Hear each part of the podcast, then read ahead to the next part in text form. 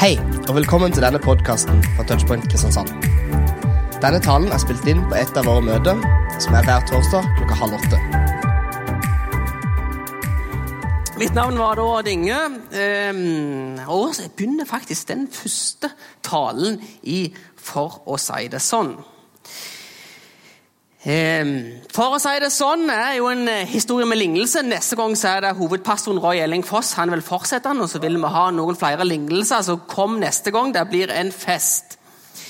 Men det er noe som er litt typisk for oss mennesker. Og det er rett og slett det at vi mm, skaper innenfor og utenfor grupper. Vi skaper i grunnen litt sånn, vi tenker at da, disse folka de er innføre, de er med oss, de er like som oss, så de aksepterer vi. Og så Av og til så er det noen sånn grupper som tenker på oi sann, de er litt forskjellige fra oss.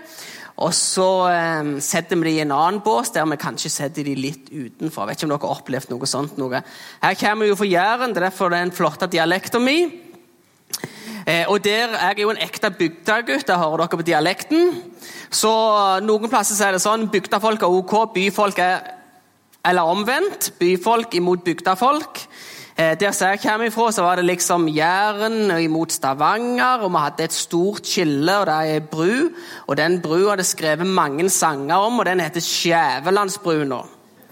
De som bor sør for Skjævelandsbrua, det er liksom arbeidsfolka, de kan arbeide. De som er nord for Skjævelandsbrua, det er Byasand og det er Stavanger, og de ansetter vi aldri nord for. Ingen nord for ansetter noen Nei, sørpå nei, Ingen på Jæren ansetter noen som bor nord for Skjævlandsbrua, for det er Byasand. Sant? Det har heldigvis skifta litt nå. Eller i Kristiansand så er det Kristiansand imot Flekkerøy, eller er du fra Gremstad, så er det Gremstad mot Fevik. Og så får du alltid noe sånn skille. sant? Og så er du I bilverden så har du fossilt imot elbil, kanskje. Og så ser vi litt ned på Teslamannen, for han kjører gratis gjennom bommene. og så er dessverre ikke råd til Tesla ennå. sant? Så ble det innenfor og utenfor. Og så har vi veganere imot biffelskere. Eh, jeg er biffelsker, og derfor elsker jeg veganere. På grunn av da er det mer biff på meg. Så er vi i Norge, kanskje, så vet vi jo det er noen grupperinger som ikke liker folk som er like mørke som meg. Nei da. Eh, jeg er fra Jæren, men noen vet gjerne før jeg er en far fra Nasaret. Derfor jeg er så mørk. Jeg eh, begynner å bli litt gammel, så nå begynner jeg å bli lysere. Jeg er 33 år, men jeg har fått en fin side. Og så har vi gjerne land for land. De sier for det landet innenfor, de sier for det landet utenfor. Lyngdølinger de elsker vi av alt på hele jorda. Er dere enige i det? De er iallfall alltid innenfor. Vi rekker fra Lyngdal her, de elsker vi. sant? Så vi har fort innenfor- og utenfor-gruppe. Og det ser vi jo i Bibelen òg, faktisk. Ehm, så hvis vi skal gå til en liten historie her, så ehm, er dette, dette er begynnelsen på lignelsen, men det er en liten sånn forhistorie. Og Forhistorien sånn er at alle toll... Nei. Alle toller og syndere holdt seg nær til Jesus for å høre på han. Det er den første setningen i det vi skal holde på med i dag. Og Da er det alle tollere og syndere holdt seg nær til Jesus. Tollere og syndere det er liksom det verste du kan tenke deg. Det er kategorien, det er lyngdølinger. Nei da, det, det, er det ikke. Det er motsatt. Eh, tollere og suldere det var liksom det som var den gruppa. De var rett og slett bare utenfor. De regna de ikke med seg. Og tollere på den, vi kan si det på en måte, Hvis vi skal gå sånn 50-60 år tilbake igjen i tid i Norge, så er det i grunnen de som holdt med tyskerne, eller de som holdt med opp, Jeg klarer ikke å si det ordet. Den makta som ikke skulle være der. um, de, og syndere det var i grunnen de som levde et liv som alle andre så ned på. Og så står det der at alle tollere og syndere holdt seg nær til Jesus. Og så står det etterpå Men fariseerne i skriftlærde de murra seg imellom. Og så sier de denne mannen, altså Jesus, tar imot syndere og spiser med dem. Og så står det da fortalte Jesus denne lignelsen. Så det vil altså si, De som følte selv at de var innenfor, de morra og klagde eh, på Jesus fordi at han åt i lag med det som var de folka som de kalte utenfor. Og Så kommer lignelsen, for å si det sånn. Og Etterpå nå så kommer det faktisk tre historier. Jesus han bruker faktisk tre, tre historier for å svare på anklagen som var retta imot han, altså at han åt i lag med disse folka. Og Han eh, forteller disse tre historiene rett og slett som et stikk til de som mente de var innenfor. Og eh, Det er tre historier, men det er en lignelse. Det er en fortelling, men det er tre fortellinger igjen. Det er nesten så treenigheten her. Og Hver eneste gang hvis du kommer til en lignelse eller en fortelling, sånn en fortelling i Bibelen, så kan du tenke rett i forkant at denne historien skal lære meg noe av hva det vil si å være menneske. Og så skal han lære oss noe om hvem Gud er. Nå skal vi få tre historier på dette. Hvis dere ser med dere Bibelen, så kan dere slå opp i Lukas 15, og så kan dere følge meg nedover med tre historier etter hverandre. Så are you ready? Den første historien den begynner sånn som dette. Dersom en av dere eier 100 sauer og mister en av dem, lar han ikke da de 99 være igjen ute i ødemarka og leter etter den som er kommet bort, til han finner den. Og Når han har funnet den, blir han glad, og han legger de på skuldrene sine. Straks han kommer hjem, kaller han sammen venner, naboer og sier til den, gled deg med meg, for jeg har funnet igjen den sauen som var borte. Jeg sier dere, på samme måte blir det større glede i himmelen over en synder som vendes om, enn over 99 rettferdige som ikke trenger omvendelse. Det var første historie. Den andre historien han stopper ikke der, så han kommer rett på en til. og da er det en sånn. Eller en kvinne har ti sølvmynter og mister en. Tenner hun ikke da en lampe og feier hele huset og leter nøye til å finne dem? Og når hun har funnet den, så kaller hun sammen vennene og venninnene og naboene og sier Gled dere med meg, for jeg har funnet igjen det pengestykket jeg har mistet. På samme måte sier jeg dere blir det glede blant Guds engler over en synder som vender om. Og Så kommer den siste. Og Det er liksom krona på verket av de tre historiene som han forteller. Og det er Jesus sa En mann han hadde to sønner. Den yngste sa til faren, 'Far, gi meg den delen av formuen som faller på meg.' Han skiftet da eiendommen mellom eh, mellom den. Ikke mange dager etter solgte den yngste sønnen alt sitt og drog til et langt, nei, land langt borte. Der sløste han bort formuen sin i et vilt liv. Men da han hadde sett alt over styr, kom det en stor hungersnød over landet, og han begynte å lide nød. Da, han, da, beklager, da gikk han og søkte tilhold hos en av innbyggerne der i landet. Og Mannen sendte han ut på marken sin for å passe grisene. Men han ønsket bare å mette seg av bellfruktene som grisene åt. Og ingen ga han noe. Da kom han til seg selv og sa, 'Hvor mange leiekarer hjemme hos min far har mat i overflod?' mens jeg går her og sulter i hjel. Jeg vil bryte opp og gå til min far og si, Far, jeg har syndet mot himmelen og mot deg. Jeg fortjener ikke lenger verdens sønn, men la meg få være en av dine leiekarer. Dermed brøt han opp og drog hjem til faren. Da han ennå var langt borte, fikk faren se han, og han fikk inderlig medfølelse med han. Han løp sønnen i møte, kastet seg om halsen og kysset han. Sønnen sa, 'Far, jeg har syndet mot himmelen og mot deg. Jeg fortjener ikke lenger verdens sønn. Men faren sa til tjenerne sine, skynd dere, finn fram det fineste klær og ta det på ham. Gi en ring på fingeren og sko på føttene, og hent gjøkalven og slakt dem. Så vil jeg spise og holde fest. For den sønnen var død, er nå blitt levende. Han var kommet bort og nå funnet igjen. Og så begynte festen og gleden. Det var tre momentante historier smukk rett etter hverandre. Det var mye tekst. Men jeg vet sjøl hvordan det er. Eh, hvis jeg har mista noe, eller ikke funnet noe igjen, så klikker jeg nesten. Her eh, For ikke så lenge siden så eh, skulle jeg flytte, og flytte det er i grunnen ei mare. For der vet du at det er kasse på kasse, og så skal du vaske. Til, jeg skulle flytte til, fra en leilighet til et hus jeg hadde kjøpt. Og Det var et renoveringsprosjekt, så jeg hadde allerede begynt å bruke en gjeng med timer på å fikse opp dette museet. Det var et ekstremt museum. Det var ikke gjort noe siden 69. Og Så kom den dagen da når jeg skulle flytte inn der, og så kjente jeg bare sånn Fillen, jeg orker ikke dette.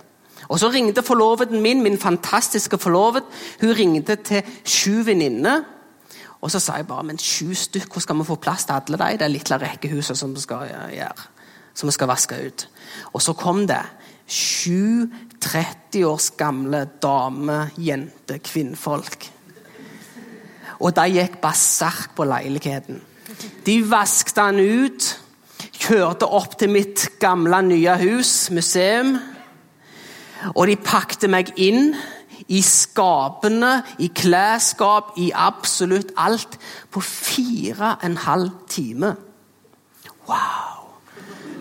Halleluja. Det var den største bønnesvaret jeg noen gang har fått. Eh, Men det som var litt sånn negativt, det var jo det at jeg visste ikke hvor allting var. Så gikk det en liten stund, da, så måtte jeg få inn TV-en. og Da kom eh, Kanal Digital inn og så skulle montere dette. Og Så spør de meg hvor fjernkontrollen var. Sant? Og Da begynte letinga. Jeg gikk først ned på rommet, kikket i kassene der, gikk på lager, gikk i alle kassene, alle Ikea-kassene, alle banankasser så gikk an å tenke deg. Og jeg lette og jeg lette, og jeg kjente varmen gikk, for jeg er ikke god tålmodighet på leiting. Jeg er gutt, og jeg er ekstrem gutt på leiting. Jeg ser ikke det som ligger rett framfor meg, jeg roper på mor eller Ingvild meg eneste gang. Noen som kjenner seg igjen? Og Der sto jeg alene og så lette. Opp og ned, opp og ned, overalt. I alle skap, overalt lette jeg. Og så helt til slutten så åpner jeg opp under vasken i en Ikea-boks i lag med stålull og Zalo. Og, og kluter og kaffekrut, for noen hadde bomma og trodd det var søppel i tillegg. Der var fjernkontrollen. Så de kunne få lov å montere min kjære Kanal Digital. Og fytti krisen for en frustrasjon og lete og springe. Og Jeg ringte til Ingvild, og jeg var ikke snill med henne. Jeg måtte be henne om unnskyldning etterpå, for jeg skyldte selvsagt på hun. Eh, det var selvsagt ikke min skyld. Men kan tro jeg ble glad når jeg fant den. Jeg ble ekstremt glad når jeg fant denne fjernkontrollen min. Og så er det litt sånn interessant at da, i denne teksten her så går det igjen tre, tre, ganger. så står det, Når det som var forsvunnet, var funnet igjen, så står det at det var glede i himmelen, det var glede blant vennene. Det var en ekstrem glede når det som var forsvunnet, ble funnet igjen. Og Så sier de hver eneste gang så er det dette ordet. Og på samme måte så var det større glede i himmelen det var en ekstrem glede i himmelen hver gang noe som var borte, ble funnet igjen.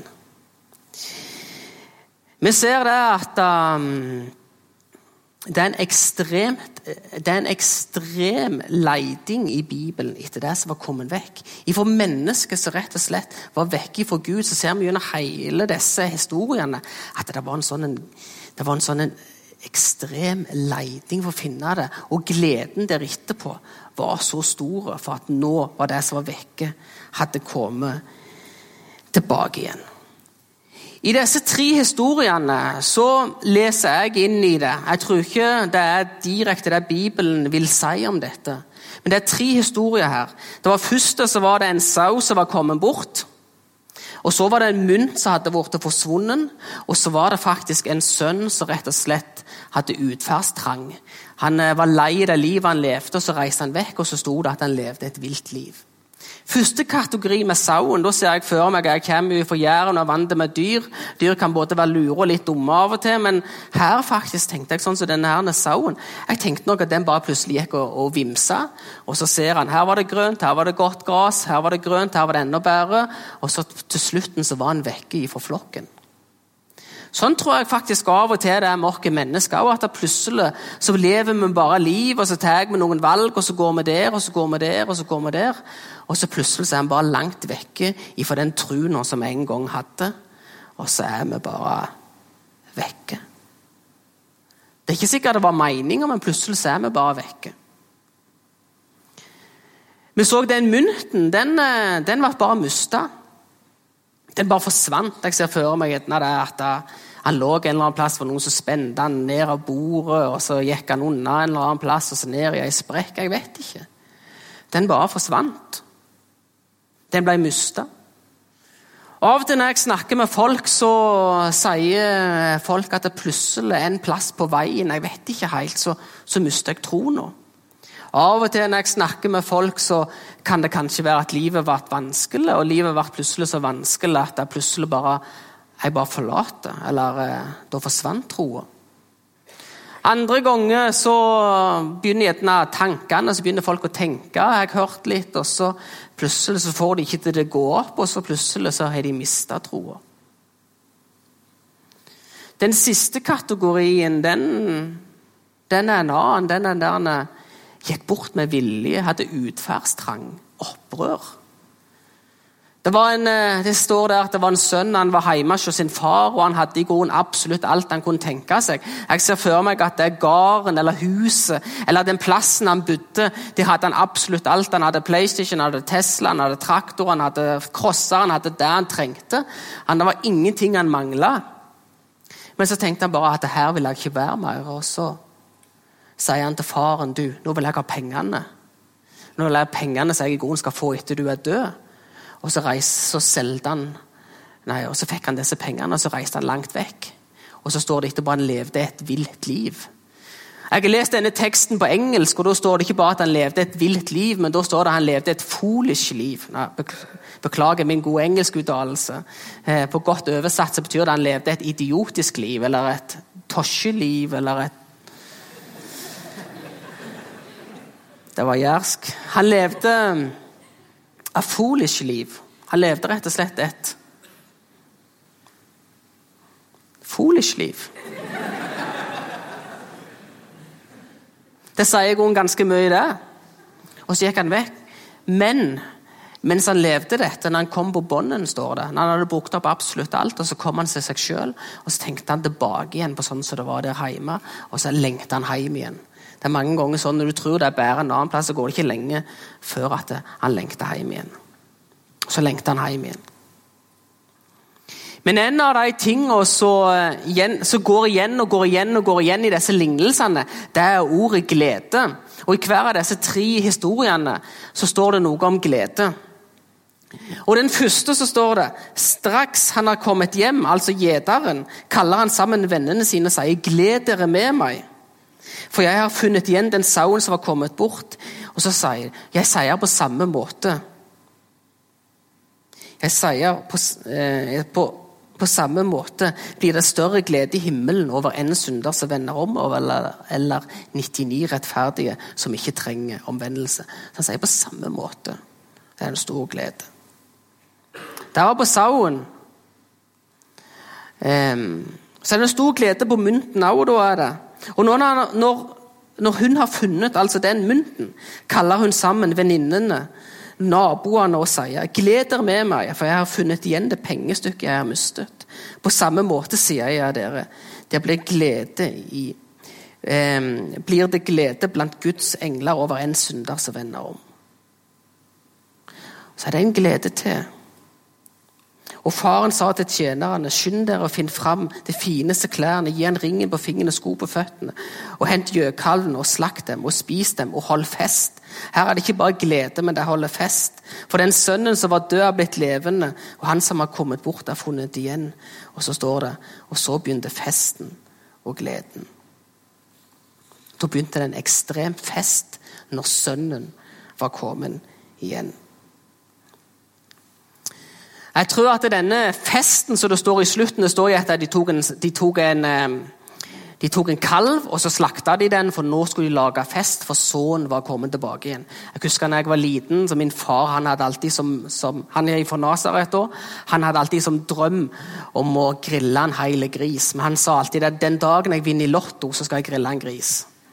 Så plutselig kommer min onkel, han er grisebonde fra Jæren, og så sier han nå er grisen klar. Så eh, om et par uker skal du altså grille en gris. og Da grillet vi en hel gris vi inviterte alle naboene. Og så hadde vi den festen. Når det står her at de hadde en fest når sønnen kom tilbake igjen, så peker det i grunnen fram til himmelen.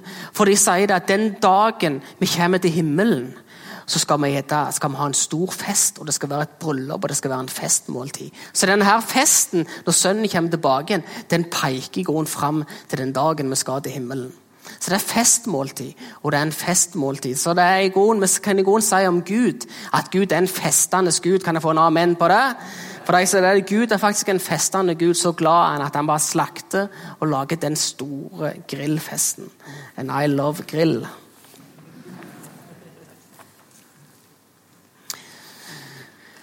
Så disse historiene, jeg sier det at Alle lignelsene de forteller noe om Gud.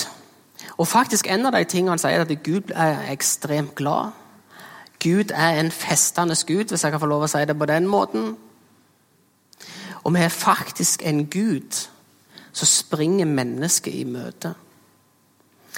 Han sier at når mennesket begynner å nærme seg han, så springer han de i møte.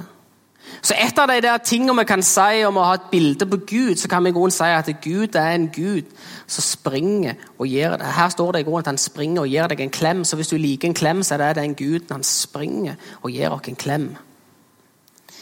Han er ikke bare en springende Gud, eh, men det står at han er en ventende Gud. Her står det at når denne sønnen var vekke, så står faren og speider etter han hver dag. Så Han står og speider etter det som er kommet vekk ifra han. Han står og kikker etter det. Han er en lengtende gud som springer etter det. Det sier noe om den guden som vi tror på. At det er en gud som leter etter dere. Det er en gud som venter på oss. Disse tre historiene de tar et sånn kraftig oppgjør med de som hadde inn- og utgruppe. Rett og slett med de som var, de som var religiøse lederne på den tida, som så ned på syndere og tollere. Så hele denne disse tre historiene forteller faktisk, eller skal faktisk sette disse på plass. Så Han setter på plass disse som hadde den der holdningen. Og så sier han så sier i grunnen Gud det, at disse folka betyr så sjukt mye for meg. De som betyr så mye for meg, De som dere ser ned på, betyr så mye for meg at jeg vil lage en fest for dem. At jeg er så glad når de kommer tilbake igjen. At jeg lengter etter disse folka. Og jeg springer etter dem. TP, altså touchpoint, det ble starta for eh, ca. sju år siden. Og En av hovedmålene med Touchpoint det var rett og slett at vi i Touchpoint hadde lyst til å fortelle denne historien om at denne guden som springer etter folk Den guden som lengter etter folk, og den guden som leter i alle kroker for å finne folk som er vekke fra han, eller har mista han. Eller har kommet bort på et eller annet vis. Det var hele målet med å starte Touchpoint. Og Hver eneste gang touchpoint, eller noen kommer til tro i touchpoint, enten om det er i Kristiansand, eller om det har vært i Lyngdal, eller Oslo, eller på Jæren, eller i Bergen, eller i Aust-Agder, så får vi mailer, og så får vi vite om det, og så feirer hver eneste. For nå vet vi at noe som har blitt mista, har kommet tilbake igjen. Så hver gang noen kommer til tro i touchpoint-systemet, så blir det faktisk en fest, og det blir en glede. Og den gleden den sprer seg over hele gjengen. Så Touchpoint starta i groen på disse versene. Hele målet når Touchpoint starta, var i groen at vi ville at det skulle være en plass der det var lett å få lov å komme og høre om denne lengtende guden. Denne guden som springer folk i møte. Det var hele målet, og det var førstepri. Så vi sa det sånn når vi starta Touchpoint, eller Roy Elling sa hovedpastoren var alltid vært tydelig på dette. Han sier det at Touchpoint skal være en plass der det er lett å komme og få lov å høre. Touchpoint skal være en plass der det er lett å invitere med seg sine venner som kanskje ikke har hørt om Jesus. For vi vet at vi har en Gud som lengter etter fellesskap. Han lengter etter å ha dette festmåltidet med folk. Så Touchpoint starta rett og slett for at det skulle være lett å invitere med seg sine venner.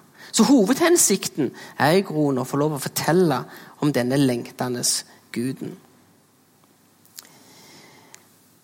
Så det viktigste for Gud det er i grunnen å finne det som er fortapt. Hovedpastoren i denne menigheten han er, heter Jarle Råmendal. Han pleier mange ganger å si det sånn som dette. La hovedsaken være hovedsaken. Så sier han det på engelsk. Let the main thing bli the main thing. Og the main thing is Hovedsaken er rett og slett at Gud er en lengtende Gud. Gud er en Gud som lengter etter fellesskap med oss. Han lengter etter de som har på en måte vimsa seg vekk som en sau, eller har forsvunnet, eller har gitt vekk med vilje, eller aldri hørt. Vi ser det noe om den gleden, at det er en ekstrem glede når noen kommer tilbake igjen. Så denne teksten her, den lærer oss det. At Gud er en lengtende Gud. At Gud er en Gud som vil fellesskap og at det er en ekstrem glede når det som er borte, har kommet igjen. Det som har kommet bort, lengter han etter. Så hvis du er her i dag og tenker på Oi sann, på et eller annet vis så har jeg vimsa meg vekk fra den troen jeg en gang hadde, så kan du bare vite det at Gud er en lengtende Gud, og Gud springer imot deg og at det er en stor fest den dagen du venner deg til han igjen. Og for på et eller annet vis, hvis du er her i dag og har mista troa På et eller annet har skjedd, og så bare forsvant hun. Og så kan du av og til bare glemme alt som er vanskelig, men akkurat i dag så har jeg lyst til bare at du skal se for deg at Gud lager en stor fest til deg. At han ønsker å lage en stor fest til deg og at han gleder seg med hele himmelen eh, hvis du har lyst til å si ja til dette festmåltidet. Og så sier han en dag så skal vi feste i all evighet. Da er det bare god mat. Se med den siste. Av og til Jeg har snakket med veldig mange folk, så av og til det er liksom et eller annet punkt her i livet så kommer de til det punktet der de bare tenker at nå orker jeg ikke mer. Nå vil jeg ikke mer. Jeg har lyst til å prøve det. Eller på et eller annet vis dette må jeg prøve. Og så forsvinner de vekk. Og så på et eller annet vis så glemmer de hele troa. Og av og til så bare vender ryggen til det. Og da har jeg bare lyst til å si til deg at Gud springer deg i møte. Den dagen du snur deg litt etter han, eller den eneste bønnen, så springer han i møte deg. Jeg har lyst til å si på den siste nå. Hvis du har vært kristen i mange år Hvis du har vært kristen i mange år, så skal denne teksten her lære deg det at han vil at du skal få den samme holdningen som Gud har. Han vil at du skal få det samme hjertet etter å intenst lete etter det som har kommet vekk. Det er jo det som er målet. Så Hvis du har vært kristen i mange år, så er det liksom det oppdraget ditt. Det er det denne historien skal fortelle deg at du, dette Guds hjerte Dette hjertet, sier han, dette hjertet vil jeg at du skal ha, sier teksten. Jeg sa det helt i begynnelsen, at Hver eneste lignelse det forteller noe om Gud og han forteller noe om mennesket. Så Her forteller han at alt som er vekke, eller er på et eller annet måte ikke er troende, så går Gud. At Gud vil ha et festmåltid med deg. For du som har vært kristen veldig lenge, så sier han dette her, Anne. Jeg vil at du skal invitere folk inn til dette. Det er målet. Så hvis du har vært kristen i mange år, så har jeg lyst til å si til deg at dette er ditt oppdrag. Og Hvis du er i en av de tre kategoriene, en, eh, kommer bort, mistet eller gir bort med vilje, så har jeg bare lyst til å si til deg at under neste sang nå, så er du bare én bønn vekke. Og da er det bare til å si, kjære gode Gud, jeg har lyst til å komme tilbake igjen til deg. Så Hvis du ber den bønnen under neste sang, så vil jeg også anbefale deg å kanskje snakke med noen av dine venner seinere. Og for du som har vært kristen i mange år, hvem er det du skal lete etter? Hvem er det du skal være med og lete? For du har alltid noen i din krets, om det er venner eller familie. Skal vi be? Kjære gode Gud, først av alt så har jeg lyst til å takke deg for Bibelen. Og så har jeg lyst til å takke deg for din store kjærlighet oss, din glede. Jeg takker deg for at du leter over absolutt alt for å finne mennesket.